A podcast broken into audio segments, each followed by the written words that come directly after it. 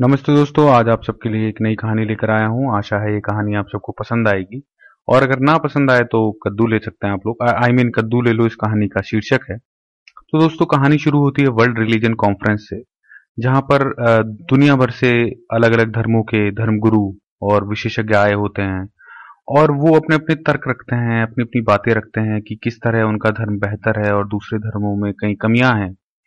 और इस तरह एक कोई निर्णय नहीं निकल पाता क्योंकि कई बातें सिर्फ़ किताबों में लिखी हैं या किससे सुने गए हैं, जिन्हें आज के साइंटिफिक मापदंडों पर नहीं नापा जा सकता और उन्हें प्रूव नहीं किया जा सकता आज की दुनिया में।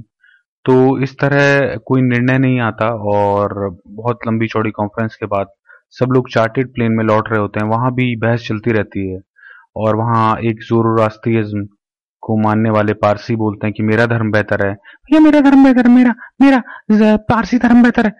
तो एकदम से साईं बाबा के भक्त आते हैं वो कहते हैं कि भाई पहले आप अपनी आवाज़ ठीक करिए ठीक है?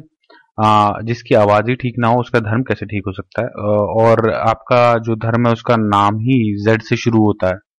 तो वो कैसे बेहतर हो सकता है? ए बी सी डी कुछ कुछ रख लेते बीच में आ जाते ई e, एम आ जाते लेकिन नहीं जेड जोरास्तियन तो मतलब ये ये कैसे हो सकता है बेस्ट तो इस तरह के लॉजिक्स और इस तरह की चीज़ें चीज़ों से दूसरों को दबाना ऊपर से उठाना इस तरह करना कर रहे होते हैं लोग तभी प्लेन क्रैश होने लगता है। और दोनों इंजन में आग लग जाती है धुआँ उठ रहा है और सब लोग अपने अपने भगवान को अपने अपने ऊपर वाले को अपने अपने गॉड को याद कर रहे हैं। और मंत्र पढ़, कोई मंत्र पढ़ रहा है, कोई नाम रटे जा रहा है बार बार तो इस तरह एक बुद्धिस्ट मॉन्क एक मंत्र पढ़ रहे होते हैं, तभी प्लेन स्थिर हो जाता है। और उन्हें देखकर कई कई धर्मगुरु अपना पाला बदल लेते हैं। वो बुद्धिस्ट मॉन्क का ही मंत्र पढ़ने लगते हैं, ताकि प्लेन स्थिर रहे। और जो उनकी थ्योरीज थी, जो उन्होंने इतना रटा था, इतने ग्रंथ कंठस्थ किए थे, वो सारे के सारे गए अपनी जान बचाने में कि भैया आप बुद्धिस्ट मॉन्क का मंत्र पढ़ो तो जान बचेगी। ठीक है? बाकी अपने अपनी थ्योरीज तो बाद में प्रूव करते रहेंगे हम। और यहाँ कौन सा कैमरा लगा है जो आ, कोई कहेगा कि कोई क्लेम करे कि भाई ये हमारे धर्म को मान रहे थे तो हम कहेंगे ये ये तो कोरी बकवास है और ये वो है ना। तो इस तरह प्लेन स्थिर हो जाता है और आ, सब लोग अपने अपने भगवान को शुक्रिया करने लगते हैं अपने अपने भगवान को ऊपर वाले को धन्यवाद करने लगते हैं कि भाई उनकी वजह से प्लेन स्थिर हो गया।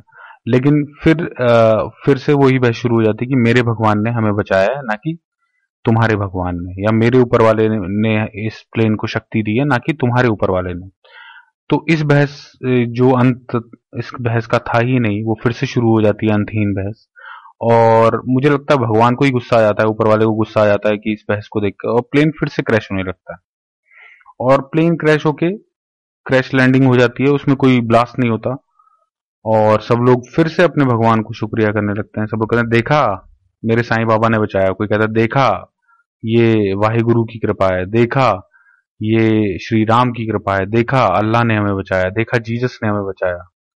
तो इस तरह वो जोरास्तिज्म वाले जो अंकल थे, वो तो चुप हो गए थे, क्योंकि उनका तो मतलब उनकी तो कोई सुनी नहीं रहा था एक तो जिसके साथ मेजोरिटी नहीं होती और जिसकी थोड़ी सी आवाज़ हल्की होती है कॉन्फिडेंस में कमी होती है उसे तो पहले मारते हैं लोग। मतलब जैसे नहीं तो चेस में जो प्यादे होते हैं कि यार एक थोड़ा सा पॉइंट तो बना लो। मतलब अगर मैं चेकमेट हो जाऊँ किसी भी मूवमेंट पे तो थोड़ा तो ग्रेस के साथ मारूं कि दो चार प्यादे तो मैंने मार ही दिए थे। ऐसा ना हो कि आ, दो चार चालों में मेरे चेकमेट हो जाए। तो ये जो जोरास्तिज्म वाले अंकल थे ये ये प्यादा बना लिए थे लोगों ने। मतलब इनके ऊपर तो चढ़ के जा रहे थे एटलीस्ट इनसे तो हम बेटर ही हैं।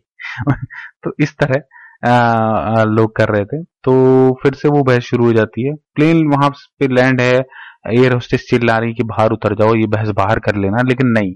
हमें तो अपने ऊपर वाले को बेहतर दिखाना है। तो फिर से वो बहस करने लगते हैं कि हमारे ऊपर वाले ने हमें बचाया और तुम्हारे ऊपर वाले का इसमें को, कोई हाथ नहीं है। तो एकदम से उन्हें एक एक बड़ा सा एक हॉर्न की आवाज़ सुनाई देती है। तो वो लोग चौंकते हैं ये क्या हुआ? ये कहाँ आ गए हम? तो वो प्लेन की खिड़की से बाहर देखते हैं तो उनका प्लेन ट्रेन की पटरियों पर लैंड हुआ होता है। जो क्रैश लैंडिंग होती है, वो ट्रेन की पटरी पे होती है और एक मालगाड़ी उनकी तरफ़ आ रही होती है। तो वो सब चिल्लाते हैं, वो फिर अपने भगवान को याद करते हैं, फिर ऊपर वाले को याद करते हैं। लेकिन कुछ नहीं होता ट्रेन प्लेन से टकराती है, और वो सब मारे जाते हैं। मुझे ये लगता है कि ऊपर वाला, ऊपर वाले जो भी हैं वो उनसे कंस्ट्रक्टिव क्रिटिसिज्म और ये सब चीज़ें चाह रहे थे कि एक अच्छा डिस्कशन करें, वो अच्छा डायलॉग करें। लेकिन वो बार बार ये जो नौटंकी कर रहे थे कि मेरे भगवान ने मुझे बचाया और हमारे भगवान की वजह से ये प्लेन स्थिर है या ये प्लेन सुरक्षित लैंड कर पाया तो इस वजह से भगवान को ही गुस्सा आ गया और उन्होंने इन सब धर्म गुरुओं को जो है यहाँ से अपने पास बुला लिया। और इस तरह ये कहानी समाप्त हुई। आ, मेरा नाम है मोहित शर्मा टेंस्टर आशा है ये कहानी आपको पसंद आई होगी वरना आप कद्दू लेने कभी भी जा सकते हैं मुझे कोई प्रॉब्लम नहीं है ठीक है? बहुत बहुत धन्यवाद।